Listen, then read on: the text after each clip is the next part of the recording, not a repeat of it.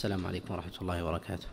الحمد لله رب العالمين وصلى الله وسلم وبارك على نبينا محمد وعلى آله وأصحابه ومن تبعهم بإحسان إلى يوم الدين. أما بعد الحديث الأول في مجلس هذا اليوم هو ما رواه الحاكم في كتابه المستدرك من حديث محمد بن أحمد بن عبيد الله عن عبد العزيز بن مقلاص وحرمله كلاهما عن عبد الله بن وهب عن عمر بن الحارث عن حبان بن واسع عن عمه عن عبد الله بن زيد أن رسول الله صلى الله عليه وسلم توضأ فأخذ لأذنيه ماء غير الماء الذي أخذه لرأسه. هذا الحديث جاء من طريق عبد الله بن وهب وهو فرد من هذا الوجه ولكن قد وقع في متنه اختلاف. تارة يروى بلفظ أن النبي صلى الله عليه وسلم أخذ لأذنيه ماء غير الماء الذي أخذه لرأسه. وتارة يروى بلفظ أن النبي صلى الله عليه وسلم أخذ لرأسه ماء غير الماء الذي أخذه لي ليديه.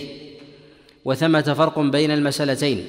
فالمسألة الأولى هي مسح الأذنين بماء جديد. والثانية هي مسح الرأس بماء جديد. وذكر الأذنين في هذا الحديث منكر. والصواب في ذلك أن النبي صلى الله عليه وسلم أخذ لرأسه ماء غير الماء الذي أخذه غير الماء الذي أخذه ليديه. وأما كون النبي صلى الله عليه وسلم يأخذ ماء لأذنيه مستقلا فالزيادة في ذلك منكرة. وقد تفرد في هذا الحديث محمد بن أحمد عن عبد العزيز بن مقلاص وحرملة عن عبد الله بن وهب. وهذا الحديث رواه جماعة عن حرملة كما جاء في السنن من حديث قتيبة وأسلم كلاهما عن حرملة عن عبد الله بن وهب به فلم يذكروا الأذنين فيه.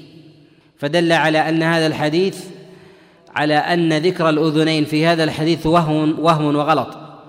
والصواب في ذلك والصواب في ذلك عدم ذكرهما. وهذا الحديث أيضا جاء من وجه عند البيهقي من حديث الهيثم بن خارجة عن عبد الله بن وهب عن عمرو بن الحارث به وذكر الأذنين. وهذا الحديث ظاهر إسناده ظاهر إسناده الصحة فهل تعضد هذه الرواية ما تقدم؟ يقال لا تعضد هذه الرواية ما تقدم. وذلك أن الحديث أن هذا الحديث قد روي من غير هذا الوجه عن حرملة عن عبد الله بن وهب. والهيثم قد تفرد بهذه الرواية ولا يقبل تفرده بمثلها. ولا يقبل تفرده بمثلها. وقد جاء هذا الحديث عن عبد الله بن وهب رواه عنه رواه عنه جماعة رواه عنه هارون وكذلك يزيد ووكيع وجماعة كلهم لم يذكروا لم يذكروا هذه هذه الزيادة فدل على أن ذكر الأذنين في هذا الحديث منكر ولا يثبت عن رسول الله صلى الله عليه وسلم. الحديث الثاني وهو حديث أبي وائل شقيق أنه رأى عثمان بن عفان عليه رضوان الله تعالى يتوضأ قال فمسح على رأسه ثلاثا فمسح على رأسه ثلاثا. ذكر التثليث في حديث عثمان منكر وهذا الحديث قد رواه الإمام أحمد ورواه أبو داود من حديث يحيى من حديث يحيى عن إسرائيل عن عامر بن شقيق عن شقيق أبي وائل عن عثمان بن عفان. وهذا الحديث معلول بعلل. أولها أن عامر بن شقيق قد تفرد بهذا الحديث في ذكر صفة الوضوء عن عثمان.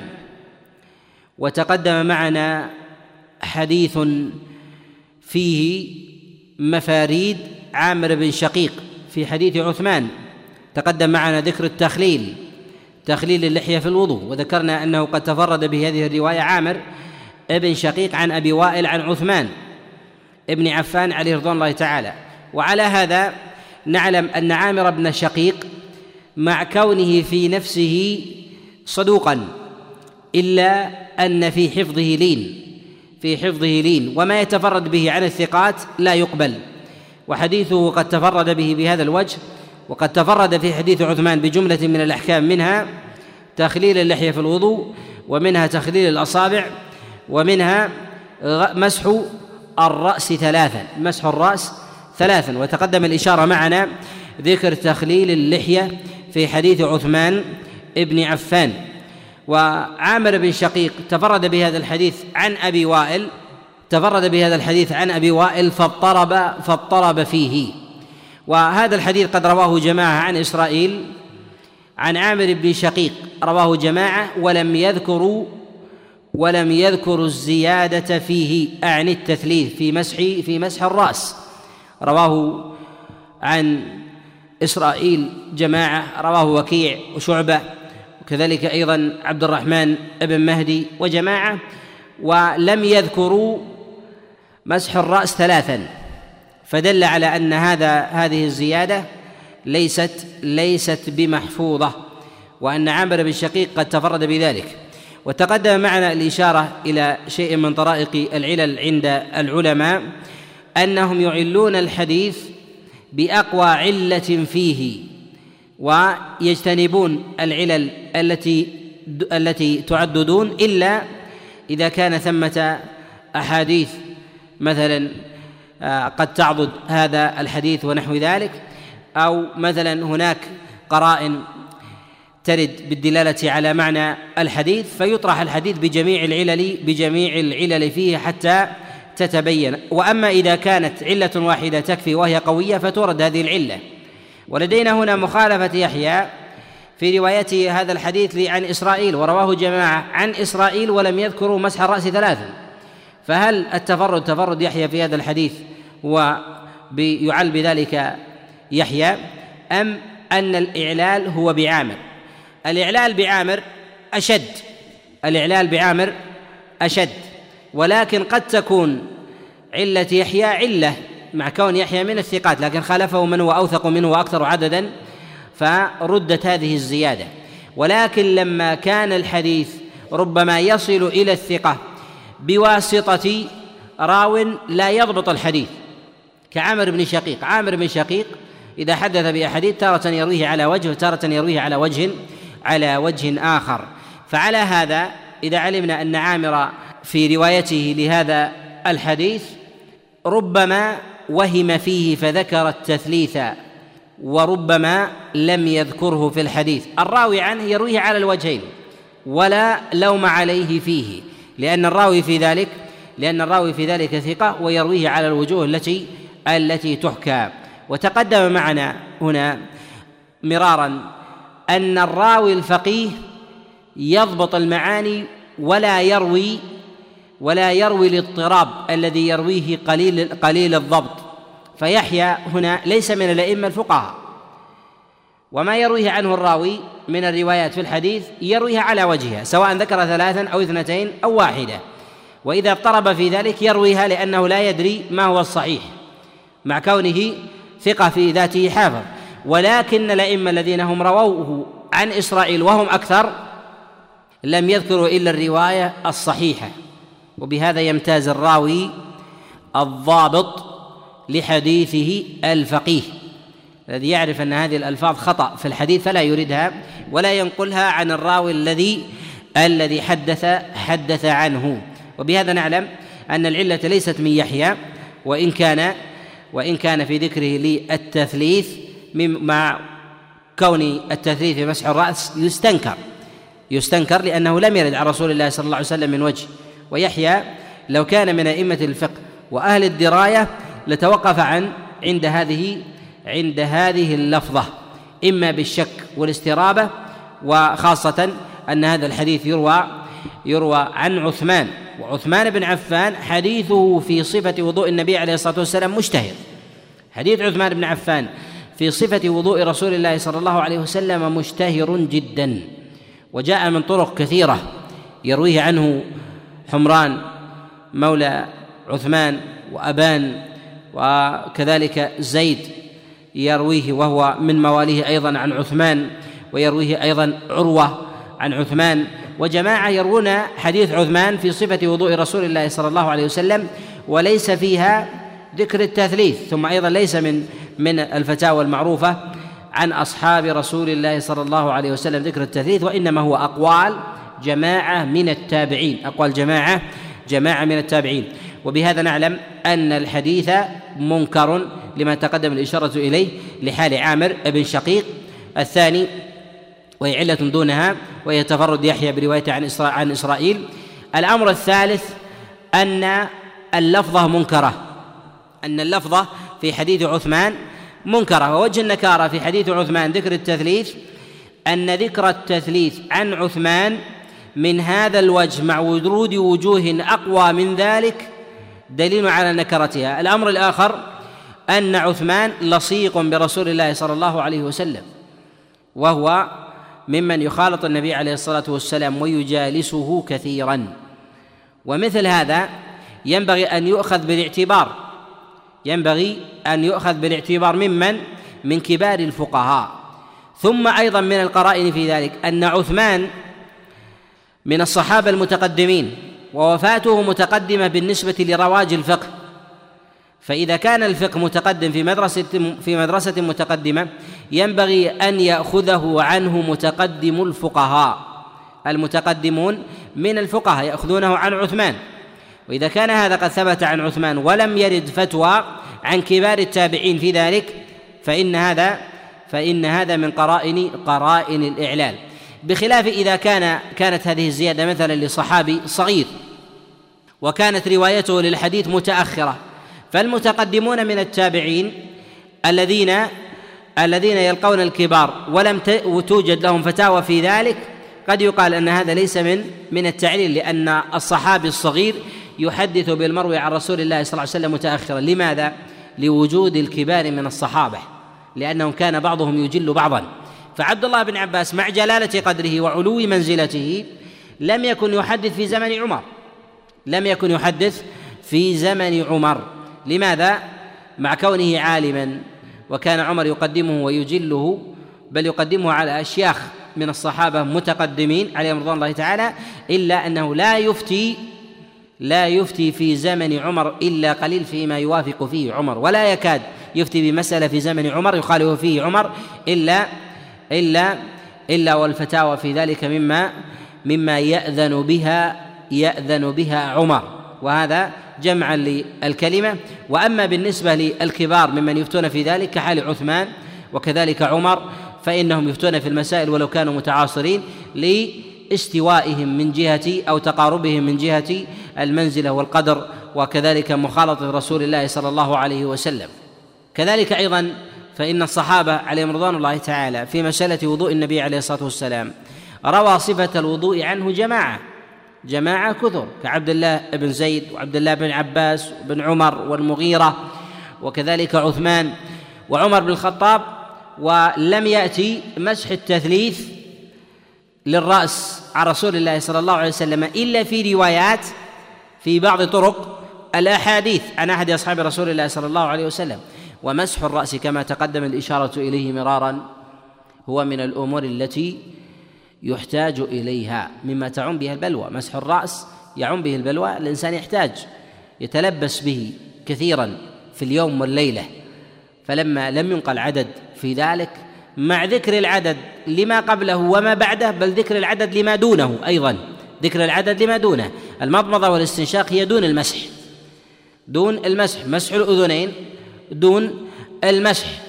وهذا به نعلم أن الأحكام إذا وردت وهي دون المسألة وذكر ما يعل به الأشهر لقلة وروده أو وروده من وجه من وجه غريب أو ضعيف فإن هذا من علامات من علامات الإعلال فإن هذا من علامات الإعلال.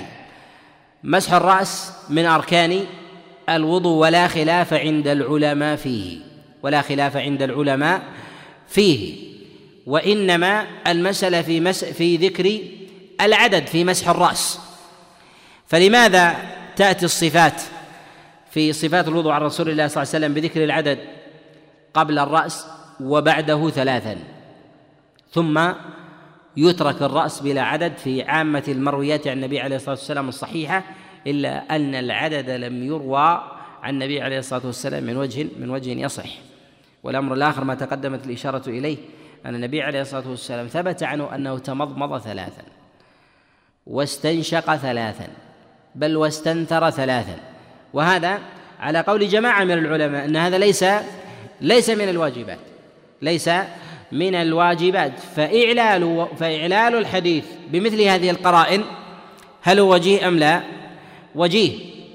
وذلك أنه ينبغي لطالب العلم في حال نظره لرواية من المرويات أن ينظر في المسائل المقترنة في هذا الباب.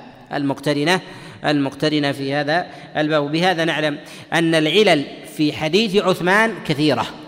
في هذه الرواية في ذكر التثليث هي كثيرة منها ما يتعلق بالمتن وما يتعلق بالمتن لقرائن عديدة وما يتعلق أيضا بالإسناد لي لوجوه متعددة وكثرة الطرق المروية في ذلك عن عثمان ابن عفان عليه رضي الله تعالى كذلك أيضا لوجود المغايرة أيضا في الإسناد. وجود المغايرة في الإسناد في مواضع أخرى. وذلك أن عامر بن شقيق قد اضطرب في حديث عثمان كما تقدم الإشارة الإشارة إليه في ذكر التخليل اللحية وتخليل الأصابع وكذلك أيضا في مسح الرأس. في مسح الرأس ثلاثا. وهذا أيضا من القرائن أن الراوي إذا روي عنه الحديث في أكثر من وجه فرواه في كل موضع أو في أكثر من مرة على أكثر من وجه فهذا من علامات من علامات الإعلال. وتقدم معنا أيضا الإشارة إلى أنه ينبغي لطالب العلم إذا أراد أن يحكم على حديث من الأحاديث أن يرجع إلى إلى كتب المسانيد التي تورد المتون تامة. حتى يعرف المغايرة. ولا يرجع إلى كتب التي توضع على الأبواب كالسنن ونحو ذلك. وذلك أن الأئمة لا يقصدون إرادة الحديث تاما وإنما يريدون إراده بحسب مناسبة الباب خاصة في الأحاديث الطويلة. خاصة في الأحاديث الطويلة. أما الأحاديث القصيرة فإنهم يريدون في ذلك يريدون في ذلك الحديث الحديث بتمامه. الحديث الثالث في هذا هو حديث علي بن أبي طالب عليه رضوان الله تعالى أن رسول الله صلى الله عليه وسلم توضأ ومسح رأسه ثلاثا ومسح رأسه رأسه ثلاثا. هذا الحديث حديث علي بن أبي طالب يرويه عنه عبد خير. عن علي بن أبي طالب في صفة وضوء النبي عليه الصلاة والسلام. وعبد خير يرويه عنه خالد بن علقمة وهو ثقة. وخالد بن علقمة اختلف عليه في هذا في هذا الحديث. رواه عنه أبو حنيفة النعمان الإمام الفقيه المعروف. رواه عن خالد بن علقمة عن عبد خير عن علي بن أبي طالب عليه رضوان الله. أن رسول الله صلى الله عليه وسلم توضأ ومسح رأسه ومسح رأسه ثلاثا. هذا الحديث عن خالد بن علقمة رواه عنه جماعة من الثقات. رواه عنه رواه عنه جماعة من الثقات ولم يذكروا التثليث التثليث فيه. رواه عنه شعبة ابن الحجاج ورواه عنه سفيان وغيرهم. جماعة كثر من الثقات يروونه عن خالد بن علقمة ويذكرون مسح الرأس مرة وتارة لا يذكرون العدد. فأبو حنيفة مع جلالة قدره وهو من أهل الرأي إلا أنه في ضبط المرويات فيه لين في ضبط المرويات فيه فيه لين. فخالف من هو أوثق منه في حديث علي. وحديث علي في صفة الوضوء رواه عنه غير واحد ولم يذكروا التثليث فيه. وهنا مسألة من قرائن العلل أن طالب العلم إذا وجد في الإسناد راوي فقيه فلينظر إلى إلى إكثاره من المرويات فلينظر إلى إكثاره من المرويات. إذا كان من المكثرين في المرويات إكثارا يوازي فقهه فإن هذا من علامات الضبط من علامات الضبط. وأما إذا كان إكثاره من المرويات لا يوازي المروي عنه في الفقه فإن هذا دليل على قصوره في باب الرواية والضبط. دليل على قصوره في أبواب الرواية والضبط. وأبو حنيفة من المكثرين في أبواب الفقه والرأي والنظر والقياس. وغير ذلك. ولكنه في أمور الرواية مقل مقارنة بفقهه المروي عنه. وهذا علامه على على قلة ضبط المرويات على قلة ضبط المرويات. وهذه خصلة كثيرة عند أهل الرأي من أهل الكوفة. وهذه خصلة كثيرة عند أهل الرأي من أهل من أهل الكوفة. ف فيروون أحاديث يسيرة ويكثرون من القياس عليها. ويكثرون من القياس عليها. فربما حمل الواحد منهم الحديث على بعض الأحاديث الأخرى فزاد عليه تغليبا للظن. ومعلوم أن الحنفية يقيسون العدد في الوضوء على جميع الأعضاء. وذلك أن النبي صلى الله عليه وسلم إذا توضأ ثلاثا بيديه فإن بقية الأعضاء على السواء فيكون ثلاثا. فحينما يروي الفقيه حديثا عن النبي صلى الله عليه وسلم وهو من أهل الرأي في هذا فيروي حديثا ويذكر العدد في موضع لم يذكر الدليل على أنه استعمل القياس وغلب على ظنه ذلك فوقع في الخطأ فوقع في الخطأ وإنما أثر عليه قلة مرويه عنه عليه الصلاة والسلام. وكيف أثرت قلة مرويه عن النبي عليه الصلاة والسلام؟ أن مقل الرواية إذا لم يكن مكثرا بالرواية عن النبي عليه الصلاة والسلام لم يكن عارفا لتباين الأحوال. النبي صلى الله عليه وسلم قد يفرق من جهة العدد يفرق من جهة العدد فيما هو فيما هو من العمل الواحد فيباين مرة ويباين أخرى. فإذا أكثر من حفظ هذه المرويات عرف أن الشريعة لا تضطرد في الصور التي تشترك في حكم واحد التي تشترك في حكم واحد. فعلى سبيل المثال النبي صلى الله عليه وسلم في الصلوات الخمس في الصلوات الخمس الركعتين الأوليين يطيل فيهما والركعتين الأخريين في الرباعية يقل فيهما. إذا كان الراوي مقل في الرواية ويروي حديث عن النبي عليه الصلاة والسلام فإنه سيحمل الأخريين على الأوليين. سيحمل الأخريين على الأوليين من جهة من جهة الإطالة ويجعل حكمهما واحد وهذا ما يفعله ما يفعله أهل الرأي حتى في الصلاة. وهذا ما ينبغي ما ينبغي الالتفات إليه. أن الراوي صاحب الرأي إذا كان مكثرا فإن هذا من علامات التحفظ عند المخالفة كما في مخالفة أبي حنيفة عليه رحمة الله للأجلة من الرواة الذين رووا هذا الحديث على رووا هذا الحديث بعدم ذكر التثليث بمسح بمسح الرأس. وهذا ما تقدم الإشارة إليه أيضا من أن الراوي الفقيه إذا وجد في الإسناد فليوازن ذلك بين مرويه وبين فقهه ويعادل في ذلك إذا كان من أهل الفقه والمكثرين في ذلك. والمقل في الرواية دليل على أنه يستعمل القياس كثيرا فيؤثر ذلك على معاني المتون. فربما زاد فيها تغليبا للظن تغليبا للظن أو اتهاما لمن حدثه أنه ربما أضمر واختصر. فزاد فزاد ذلك لأن كثيرا من الرواة يضمر بعض الأفعال في ما يظنه أنه مشهور. فإذا قيل أن النبي صلى الله عليه وسلم توضأ فغسل رجليه ثلاثا فيلزم من ذلك أن ما قبل ذلك أنه غسل اليدين وتمضمض واستنشق ونحو ذلك. فيلحق العدد في في ما في أعضاء الوضوء تغليبا للظن.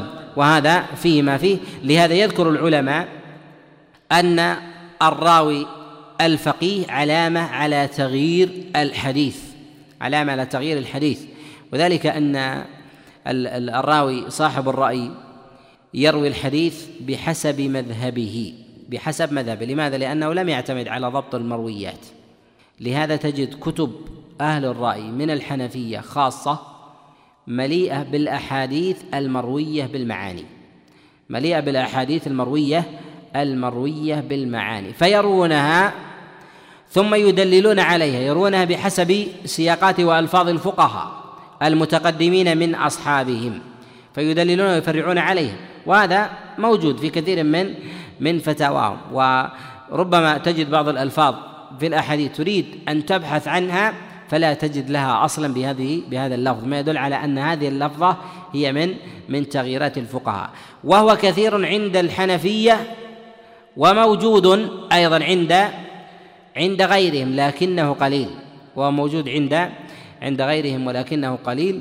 ويوجد بكثرة ويوجد آه، أيضا وبقدر متوسط عند المالكية أيضا في مصنفاتهم ويليهم في الضبط في ذلك في قلة الشافعية. ثم الحنابلة في هذا مع وجود تغيير بعض الألفاظ. ومن نظر مثلا في كتاب المغني أو الشرح الكبير ونحو ذلك يجد هناك بعض الأحاديث التي تغير. تغير وذلك أن الفقيه يروي بالمعنى فينبغي له الاحتراز. وعلى هذا آه، نستطيع أن نقول أن الراوي إذا خالف في حديث من الأحاديث وكان من أهل الرأي فينظر إلى الراوي ولو كان دونه في الضبط. إذا كان إذا كان ممن يعتمد عليه ممن يعتمد عليه ويحتج به يقدم يقدم عليه إذا كان لديه شيء من الفقه في من الفقه آه، في هذا.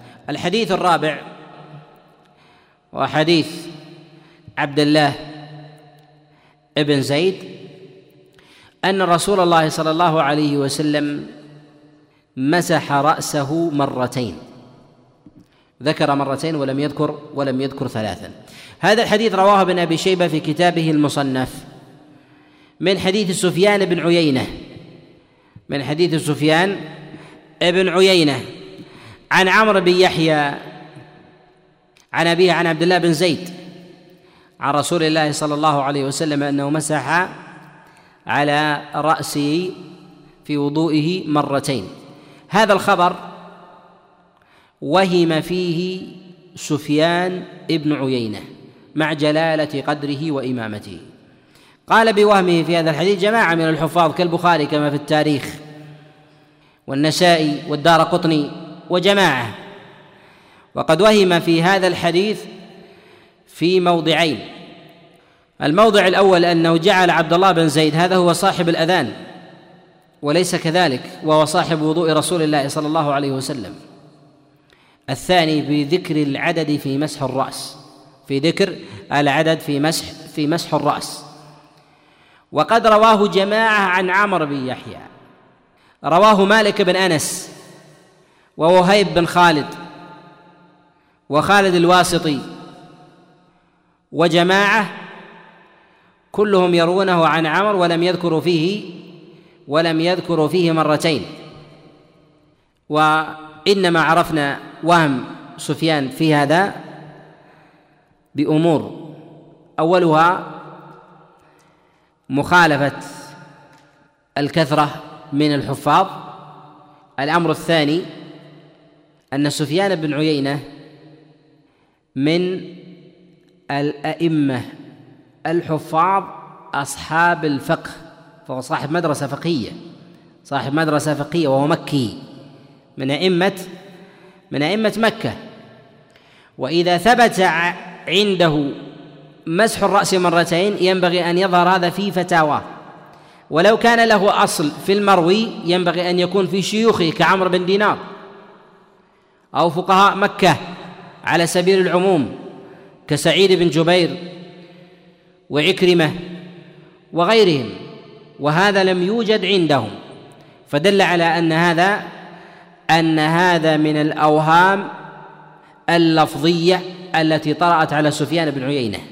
وقد نبه على هذا الإمام أحمد عليه رحمة الله فنبه على أن سفيان قد وهم في هذا الحديث. فتارة يذكر مرتين وتارة يذكر مرة وتارة يذكر ثلاثا وتارة لا يذكر العدد. تارة لا يذكر لا يذكر العدد. ومسح الرأس لا يوجد في فتاوى المكيين من المتقدمين. وابن عيينة صاحب أثر وسنة. وكان الإمام أحمد عليه رحمة الله يعتمد عليه. والإمام أحمد يعتمد عليه كثيرا في في أقواله في المروي عن المكيين. وحتى لو لم يجد في ذلك حديثا عن النبي صلى الله عليه وسلم كما في مسألة ختم القرآن دعاء ختم القرآن في الصلاة. فقال فعله ابن عيينة. فإشارة إلى جلالة قدر سفيان إلى جلالة قدر سفيان وأنه يعتمد على الأثر في ذلك. ولما كان سفيان بن عيينة قد وقع في في وهم في هذه الرواية ولم وثبت عند الأئمة أن هذا لم يكن من من مضبوطه ترك. كذلك لم يجد له أصل في في شيوخه في شيوخه أيضا. وكذلك أيضا من الوجوه أن طبقة سفيان بن عيينة متأخرة.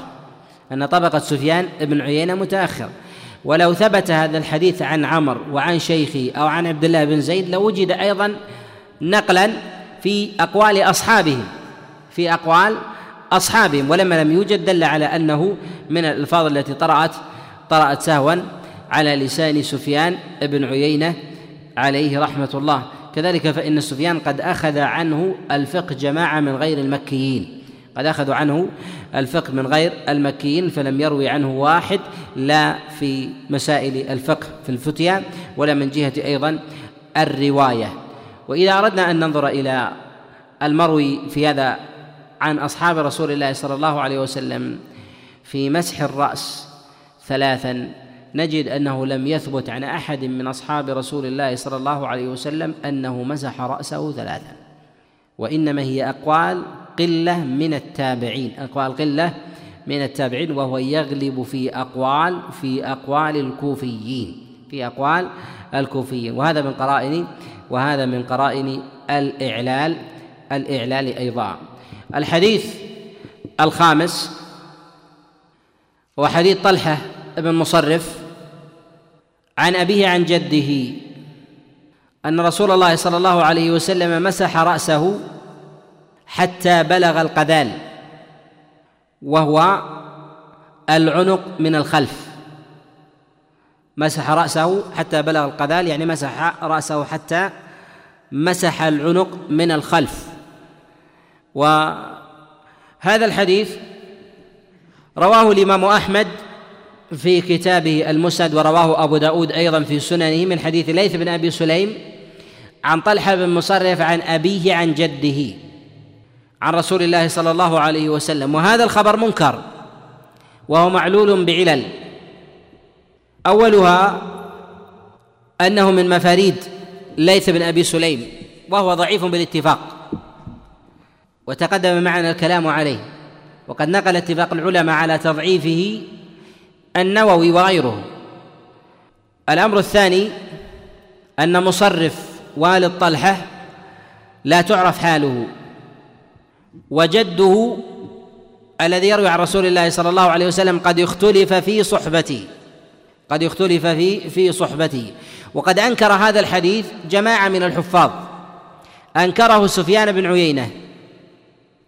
وأنكره علي بن المديني والإمام أحمد ويحيى بن سعيد وغيرهم.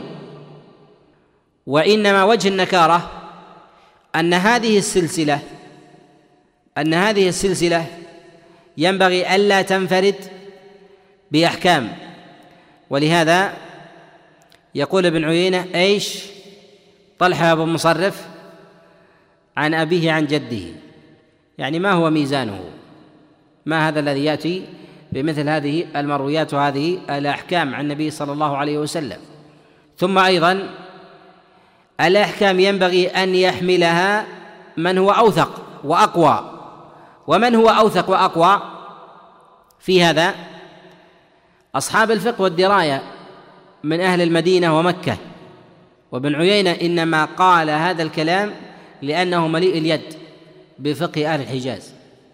يعني كان يقول منين جاءنا ذا؟ منين؟ نعم. يقول منين جاء هذا؟ هذا الحديث ب بهذا الإسناد. يعني أنه لا ميزان لا ميزان له. ومن وجوه النكارة أيضا أن هذا المعنى لم يثبت عن رسول الله صلى الله عليه وسلم في خبر مع كثرة المرويات. في صفة وضوئه عليه الصلاة والسلام. فجاءت صفة وضوء النبي صلى الله عليه وسلم في أحاديث كثيرة. فلم يثبت عن أحد ممن ذكر ذلك عن النبي عليه الصلاة والسلام أنه رواه عنه من وجه يعتمد عليه. كذلك أيضا لم يثبت عن الصحابة الذين رووا وضوء رسول الله صلى الله عليه وسلم أنه مسح العنق. إلا ما جاء عن عبد الله بن عمر ويأتي ويأتي الكلام عليه. مسح العنق. إذا قلنا أنه من أعضاء الوضوء والنبي صلى الله عليه وسلم يمسحه إما أن يكون منفردا وإما أن يكون تابعا للرأس. فإذا كان منفردا فإذا كان منفردا وجب أن يمسح في حال المسح على العمامه ومسح المرأة على خمارها. ولم ينقل أن رسول الله صلى الله عليه وسلم مسح عليه. اذا فهو عضو مستقل. وإذا كان تابعا للرأس فمسحه قبل الأذنين أم بعد الأذنين؟ قبل الأذنين. فلماذا يقفز حكمه ويذهب إلى الأذنين ويترك وتترك الرقبة؟ هذا دليل على ماذا؟ دليل على النكارة. أن ثمة وهم وغلط في هذا في هذا الحديث. أن ثمة وهم وغلط في هذا في هذا الحديث. وربما قصد أنه أوشك على وصول العنق وهو يمسح رأسه. ولكن إنما نورد هذا الحديث لأنه يستدل به جمع من الفقهاء على مسح العنق. جماعة من الفقهاء من المالكية وبعض الفقهاء من الحنابلة وبعض أهل الرأي على مسح العنق واعتمادهم في ذلك على على هذا الحديث. ولكن نقول إن هذا الحديث إن هذا الحديث منكر إسنادا إسنادا ومتنا للتفرد للتفرد به من جهة المعنى وينبغي أيضا أن ينقل عن رسول الله صلى الله عليه صلى الله عليه وسلم في غير هذا هذا الوجه. ويكفي أيضا أن مسح العنق في الفقهاء عند الفقهاء من أهل الحجاز أنه لا يروى عن واحد منهم. الفقهاء السبعة من أهل المدينة كذلك أيضا فقهاء مكة لم يكونوا يقولون بمسح بمسح العنق. ولو كان مما يأتي عن رسول الله صلى الله عليه وسلم أو سمعوا به اثرا فإنه لا بد أن يأتوا أن يأتوا بشيء من ذلك عنه عليه الصلاة بشيء من ذلك من جهة العمل كذلك أيضا من جهة الفتيا مع كثرة ووفرة الأقوال المروية عنهم فيما هو دون فيما هو دون ذلك. ولهذا نقول إن هذا الحديث منكر اسنادا ومتنا وقد أنكره سائر الأئمة وقد بين نكارته جماعة كالإمام أحمد عليه رحمة الله تعالى وغيره. نقف إلى هنا. فيه سؤال؟ نعم. آه، الحنفية معروفون بالتشدد برواية الحديث لكثرة الكذب في الكوفة. الكذب عن النبي عليه الصلاة والسلام اشتهر في الكوفة فكانوا يحترزون. فهي منقبة من وجه ومنقصة من وجه. إذا كان الكذب يشتهر في الكوفة فتحترز في الكوفة وتنفتح على المدينة ومكة. هذا هو الأولى إنك تأخذ النصوص ممن من؟ أهلها. لكن تقول مثلا ال ال ما الكذبة مو يتكاثرون في الكوفة علي أن أحجم عن الرواية وأشدد. إذا ارتحل خذها من من منابعها.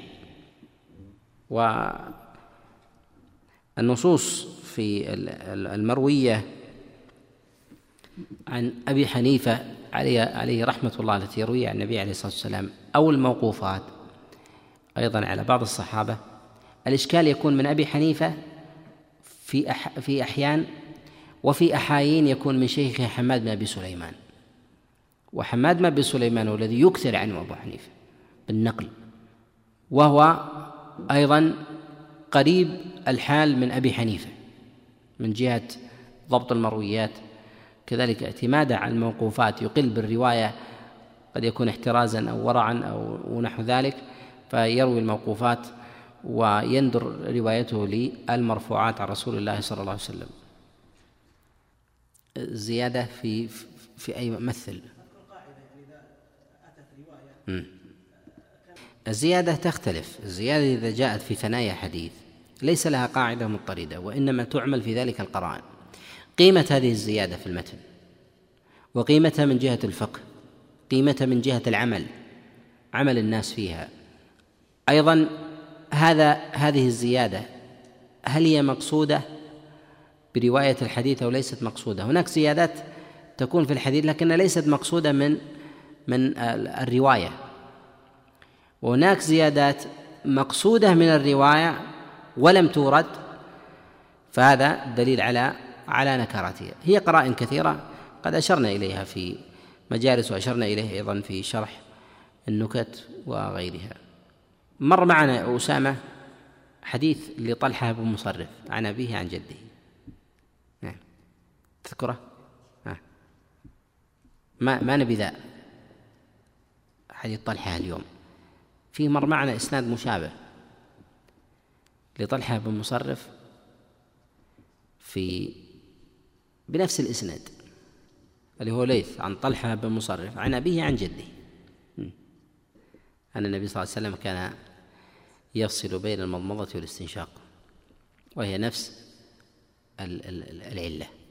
في نفس العلة وتقدم معنا الإشارة الإشارة إليها. نعم. كيف؟ لا مطلقا. ليث مطلقا تفرد أو لم يتفرد. ولا يقبل أيضا في المتابعة. يقبل في التفسير لأنه كتاب. أما في الحفظ فلا يحفظ. وقد أخذ كتاب القاسم بن أبي بزة في التفسير فأخذ يرويه.